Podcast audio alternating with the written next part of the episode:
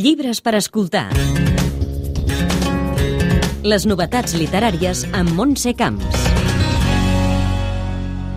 Avui us parlem d'una joia,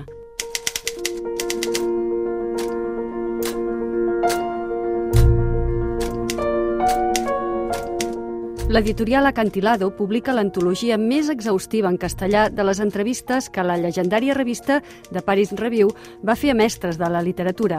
Recull 100 entrevistes que es van fer al llarg de 60 anys escriptors com Foster, Cortázar, Hemingway, Faulkner, Celine, Sontag o McEwan. L'editora Sandra Ollo ha fet la selecció.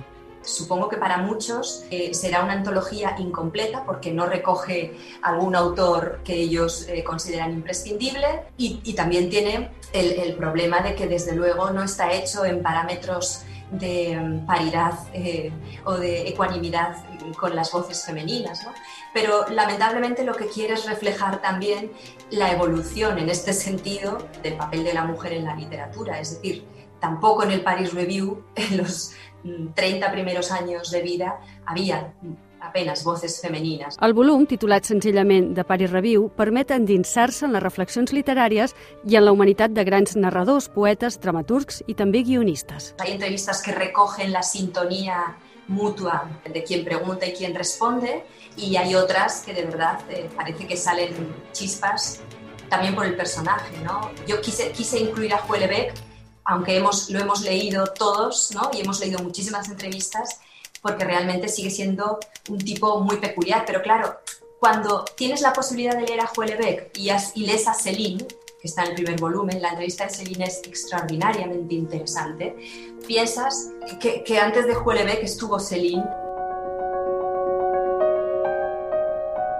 Les entrevistes, molt al contrari del que passa sovint ara, estaven molt treballades, repassades amb els mateixos autors i van convertir-se en un gènere propi de gran valor literari que les fa imprescindibles. a pesar de que, de, de que, la edición que se hace de los textos es extensa, porque se le quiere dar ese sentido casi de, de, narración, ¿no? Pues a pesar de esto yo creo que una, otra de sus grandes virtudes es que conservan una frescura y una espontaneidad que luego entendemos que no es tanta, pero que a ojos del lector eh, han conseguido mantener, que también creo que es una de las virtudes de las buenas entrevistas y de los buenos entrevistadores, porque claro, estamos hablando de grandes autores però entrevistados por grandes entrevistadores. De Paris Review ha estat traduït per quatre traductors per aconseguir un to diferenciat, segons l'entrevista. Es publiquen dos volums en un mateix estoig.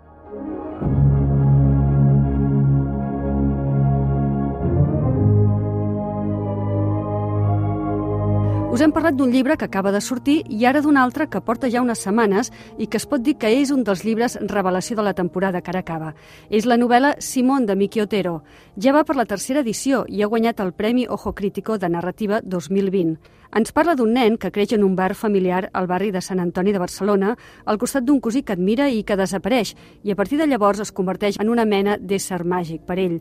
L'amistat, les relacions entre pares i fills, el xoc de classes, l'individualisme, la importància de la literatura per escapar i fins i tot salvar-se són alguns dels molts temes de l'obra que, sobretot, també és una crònica de Barcelona, que canvia com canvia el mateix ingenu i tendre Simón.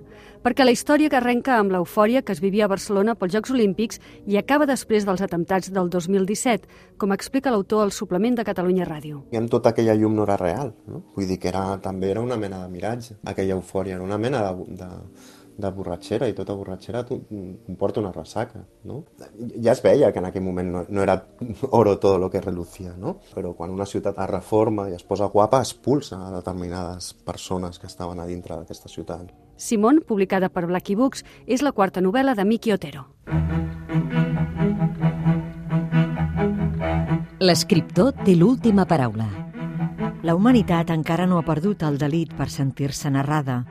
Volem ser narrats, explicats davant dels altres com a personatges. Montserrat Roig.